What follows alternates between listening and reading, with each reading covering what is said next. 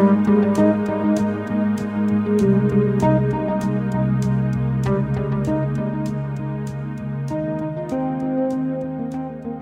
lytter til programmet Kvinner i vinden. Her skal du få møte kvinner som har noe ekstra viktig med seg på jobben trua på Jesus. Intervjuer er May-Britt Liljeros Lauvik, og programmet er produsert av P7 Kristen Riksradio.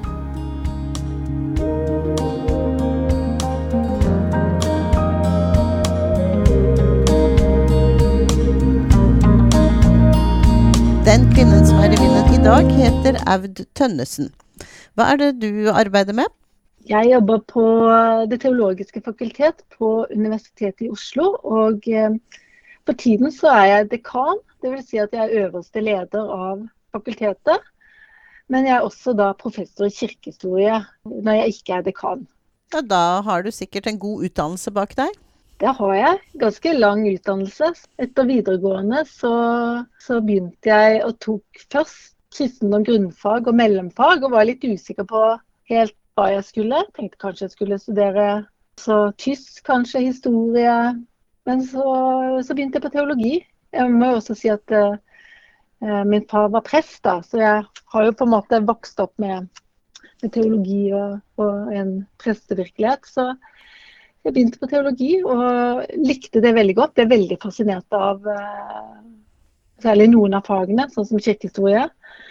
Og så fikk jeg muligheten til å fortsette når jeg var ferdig, uh, og gå videre og ta en uh, doktorgrad. Så det gjorde jeg. Da skrev jeg om kirken og velferdsstaten. Undersøkte den motstanden som fantes i, blant mange kirkeledere mot velferdsstatsutviklingen etter krigen. Man fryktet at velferdsstaten skulle bli en sekulær og totalitær stat uten plass for kristent innslag. Og så ble jeg etter hvert ansatt på, på TF, og har egentlig vært det da, siden. Hva går arbeidet ut på da, litt sånn mer detaljert? Ja, for øyeblikket da, som dekan, og det er jo en valgt eh, stilling, altså man velges til dekan på universitetet. Alle fakulteter har en dekan som sin leder. Eh, og det, Da velges man for fire år av gangen, og man kan gjenvelges én gang. Og jeg er i min andre periode, har ett og et halvt år igjen, så jeg har vært det nå i snart syv år.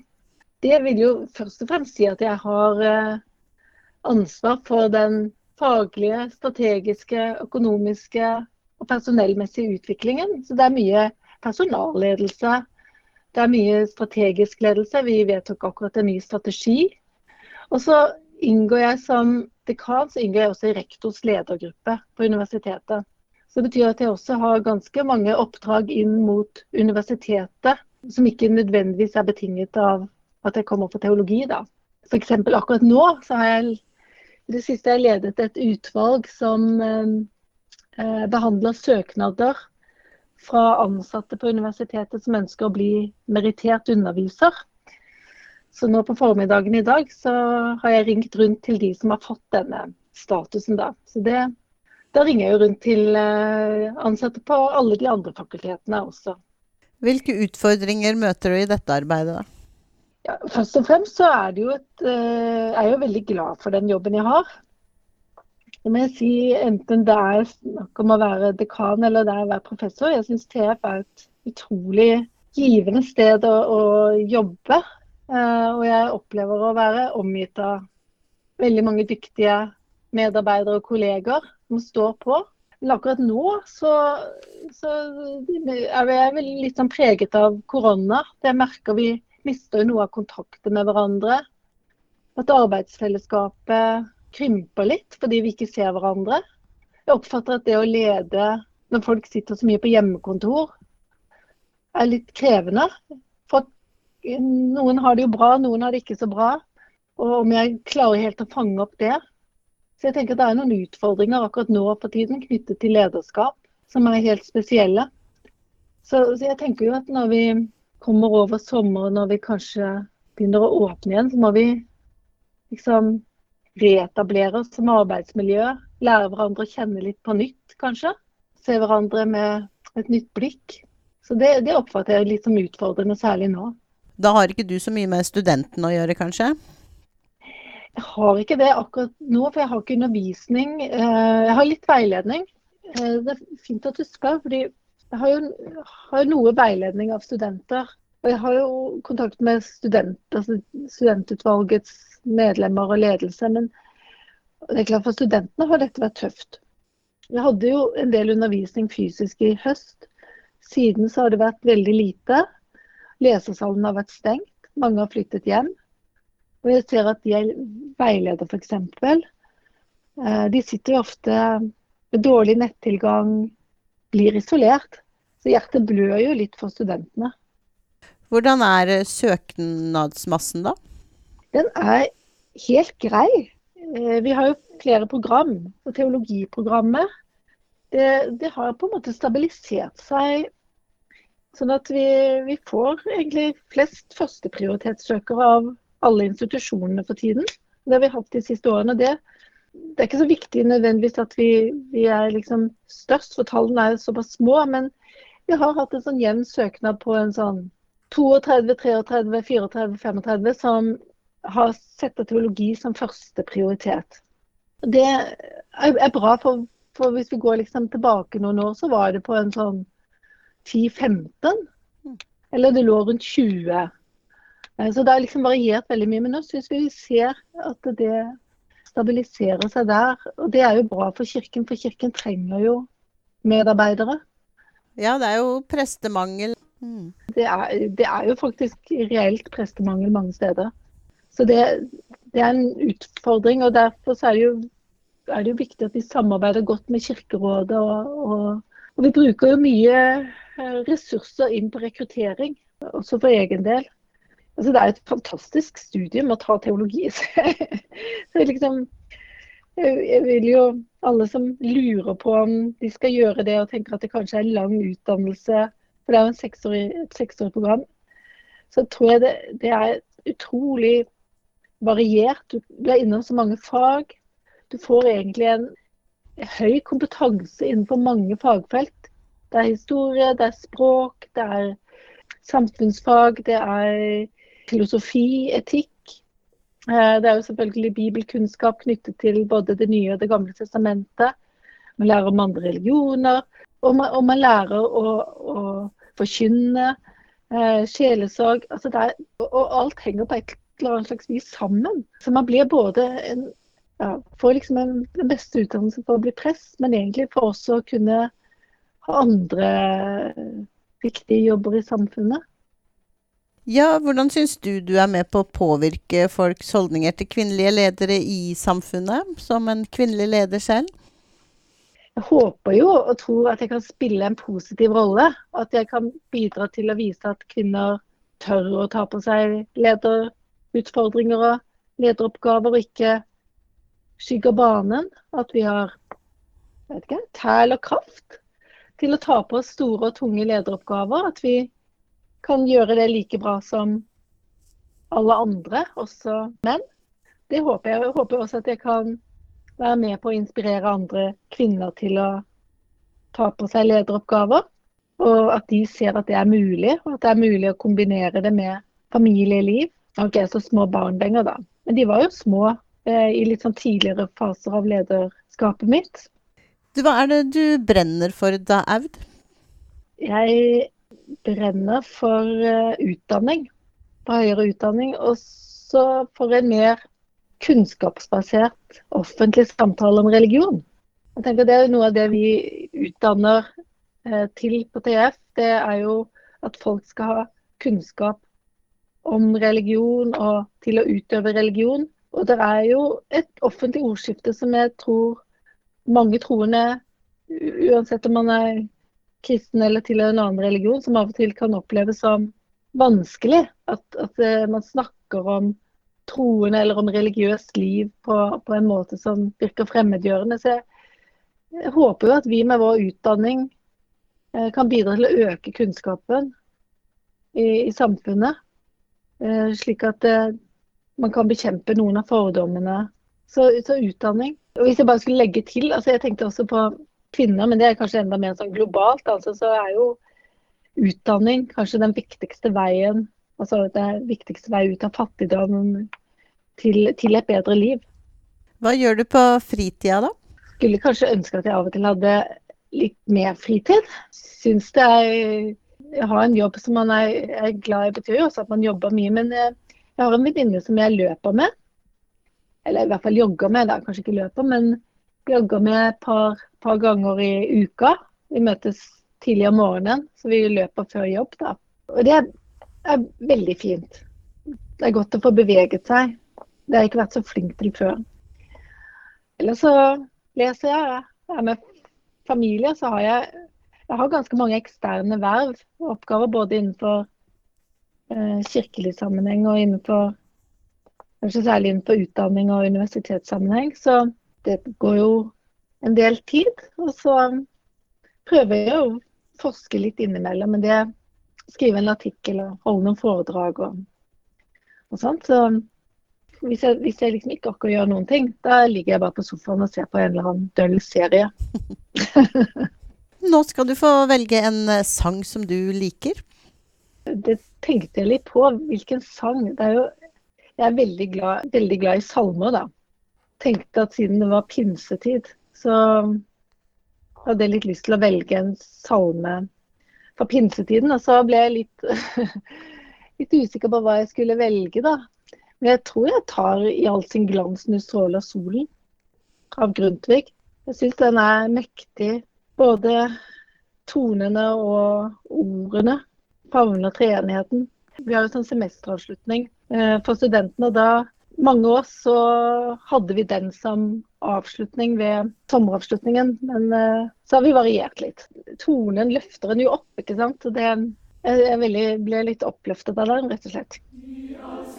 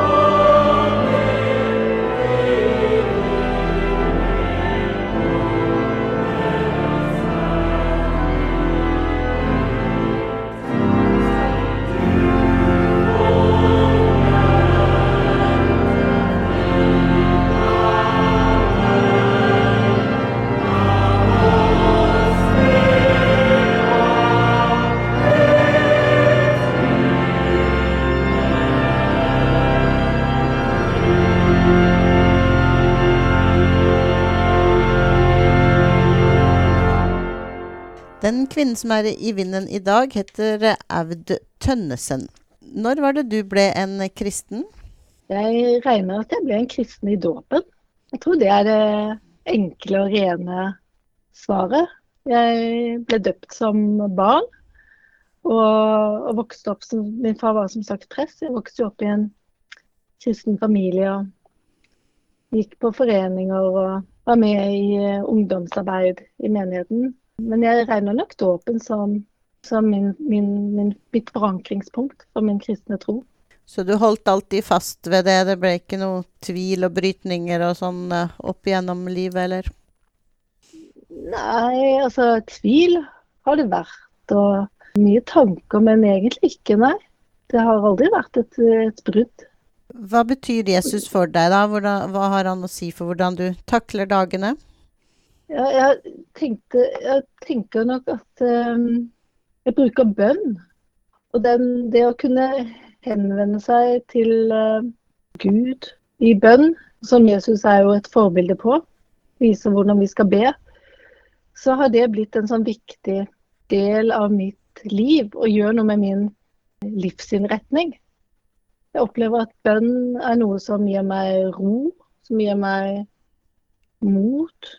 Tidligere så ba jeg liksom om både ditt og datt og, og, og kanskje sånn Sånn som du spør liksom om Jesus hjelper med oppgaver og problemer. Det opplever jeg på en måte ikke som, som personlig, men jeg opplever at min henvendthet. da.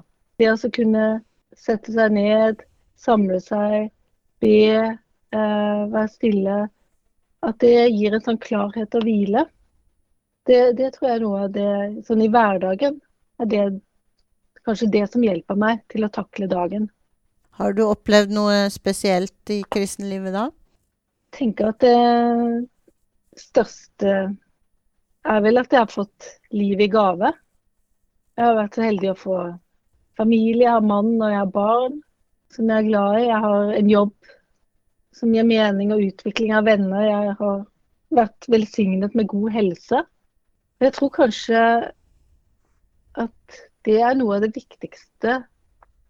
Det er litt om hverdagen i, i dette. Litt tidligere så nevnte du dette med kvinner i andre deler av verden, og hvor viktig utdannelse er. Hvilke utfordringer tenker du kvinner møter i dagens samfunn? Det er jo det er veldig forskjell selvfølgelig på, på, hvor man er i verden. I, I, andre deler av verden så er jo kvinner Vi lever jo kvinner til dels under helt ekstreme forhold, altså helt uten rettigheter. Utsatt for vold, får ikke ta utdanning, giftes bort som barn osv. Eh, og det kan jo gjøre slik at våre utfordringer ser små ut. Og vi har jo på mange måter trukket et vinnerlodd, da. Også vi kvinner som bor i Norge med, med, med fulle rettigheter. Men det er klart det er utfordringer eh, ja, knyttet til likelønn, knyttet til anerkjennelse for, for kvinners mangfoldighet. Eh, vi så jo akkurat nå den undersøkelsen som ble gjort i Kirkerådet om eh, hvordan kvinnelige prester har det. At, det, at de, de, melder tilbake at de opplever å bli oversett og, og usynliggjort f.eks., eller få negative kommentarer og uheldig oppmerksomhet. Sånn at det, det, er jo ting å jobbe med. jeg, Noen ganger når jeg har vært, kanskje særlig i begynnelsen jeg, som leder, så, så opplevde jeg f.eks. at i en del sånne kristelige miljøer så var det veldig sånn forventning om at den som kom da f.eks. fra TF, det var en mann. Og hvis jeg da kom sammen med en kollega, det var jeg som var liksom leder, så henvendte folk seg til han. Og trodde jeg enten var konen, f.eks. Eller Og det, ikke sant, det kan jeg jo le av, men, men det var litt sånn Det kan være litt slitsomt. Hvis man ikke får på en måte den anerkjennelsen, må man jobbe litt ekstra. Det tror jeg kanskje mange kvinner opplever i dag òg. At man må jobbe litt ekstra for å få autoritet og for å bli lyttet til og, respektert.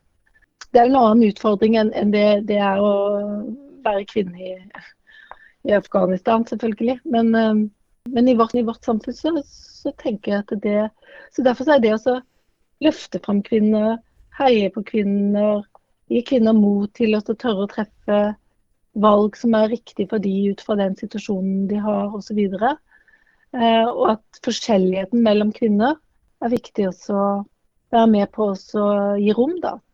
Du, jeg tenkte litt på det du sa du hadde skrevet oppgave over dette med velferdsstaten og om eh, det truer det kristne livet.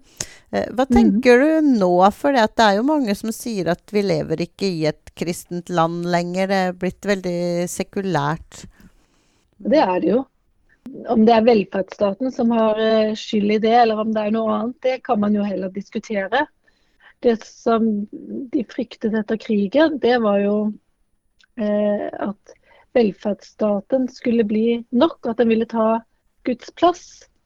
Og at det, det kristelige og diakonale arbeidet ville bli overflødiggjort. Nå har jo det vist seg å ikke skje akkurat det, da. Altså det kristne diakonale arbeidet er jo minst like viktig som det var tidligere. Og spiller en veldig stor rolle. Og jeg tror kanskje vi må snakke litt mer om det òg. Ja, vi lever i et sekulært samfunn, men, men det gjøres mye arbeid fra kirkens side i lokalsamfunn som spiller en umåtelig stor rolle for mennesker og for lokalsamfunn, som vi kanskje av og til glemmer å se verdien av, eller snakke høyt om og anerkjenne som en del av kirkens bidrag til det gode liv og det gode samfunn. Eh, men at vi er et mer sekulært samfunn, det, det er vi jo. Samtidig så har vi jo fortsatt, er jo fortsatt høye medlemstall i Den norske kirke. Altså Numerisk så er, jo, så er jo tallene høye. Dåpstall går ned, men folk velger å døpe. Altså, det er også viktig å se det, og ikke bare tenke at, at, eh, at kristendommen er til stede på andre måter. Men der, Derfor er jo også tenker jeg, utdanning viktig. fordi at det, Man skal jo kunne gjenkjenne kristendommen. Og, og, det er jo mindre undervisning i religion i skolen i dag enn det var før. og Dermed så er jo kunnskapsnivået også lavere. Ja, og, og, kanskje også litt det der med å anerkjenne f.eks. betydningen av gudstjenesteliv for mennesker. At vi løfter fram høytidene våre som, som jo er formative for, for uh, ikke bare for den, den, enkelte eller for den som er troende, men egentlig for alle, så er vi jo veldig preget av kristendommen gjennom Vi har et samfunn som er strukturert med ferier knyttet til de kristne høytidene. Så, sånn sett så er vi jo på en måte ganske lite sekulært også. Nå Avslutningsvis så skal du få nevne en kvinne i Bibelen, og hvorfor du ser opp til henne. Det er veldig mange kvinner i Bibelen. Ikke, ikke det at det er, er, så mange, for det vet vi veldig godt at det er en, en, en, bok som først og fremst har veldig mange menn, men det er jo også, er jo også kvinner. Så jeg tok faktisk og, hentet fram den boken eh, som kom i, i, fjor til Alf Kjetil Valgermo om eh, kvinner i Bibelen. Jeg tenkte liksom, må jeg svare veldig godt da, for dette spørsmålet. Og så er det jo en, en kvinne som er veldig spennende. Eh, og det er jo Junia, som står beskrevet i Romerbrevet, kapittel 16, vers 7. Så står det i Bibelen står det Hils Andronikos og Junia, mine landsmenn som har sittet i fengsel sammen med meg. De har et godt navn blant apostlene og kom til tro på Kristus før meg.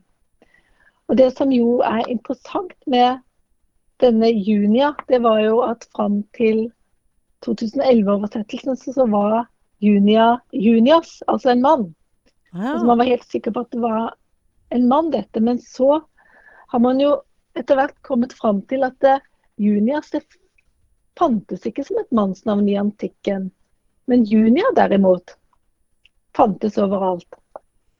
Og Dermed så har man jo i, innenfor bibelforskning kommet til at det har vært en feil oversettelse når man har skrevet om Junias som en mann. For det har vært en kvinne.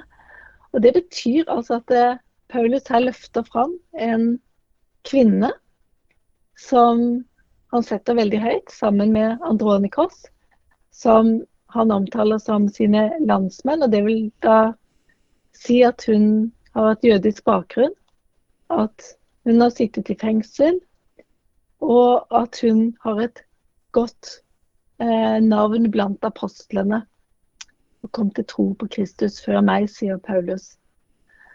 Og det vil jo si at her har vi en, en kvinne som på en måte tilhører noen av de innerste sirklene av den tidlige kirkens liv. Og det synes jeg er inspirerende å tenke på. Med tanke på at kvinner har hatt en stor betydning for kristendommens historie. Ofte er de blitt utelatt, oversett eller til og med sett ned på. Det skjer jo den dag i dag. Men her er det da et eksempel på en kvinne som løftes fram av Paulus. Og det gjør han jo med flere. Men jeg hadde lyst til å nevne Junia, som da man trodde var en mann, men som er en kvinne. Og som er en som settes høyt. Og jeg kan også si litt mer, hvis jeg får lov, lov til det. Ja. For i den greske teksten, ikke sant, så dette er jo en oversettelse, så er det jo dette, eh, denne setningen som nå i den norske oversettelsen heter 'De har et godt navn blant apostlene'. Så kan det også oversettes som at de har et godt navn som apostler. Altså det, ikke sant? Fordi det i oversettelse så er det jo valg som Det ligger en Eh, en, en, mulig aksentuering av at man kunne sagt at de har et godt navn som apostler. I så fall så ville jo det bety at Juni også blir regnet som en av apostlene. Ja, det, det, det, jeg syns det er en, eh, en fin og Det betyr at kvinner har vært sentrale i kirken fra de første tider. Og siden um, dette handler om kvinner, dette programmet, så kan vi også si kanskje at Juni er en kvinne i vinden.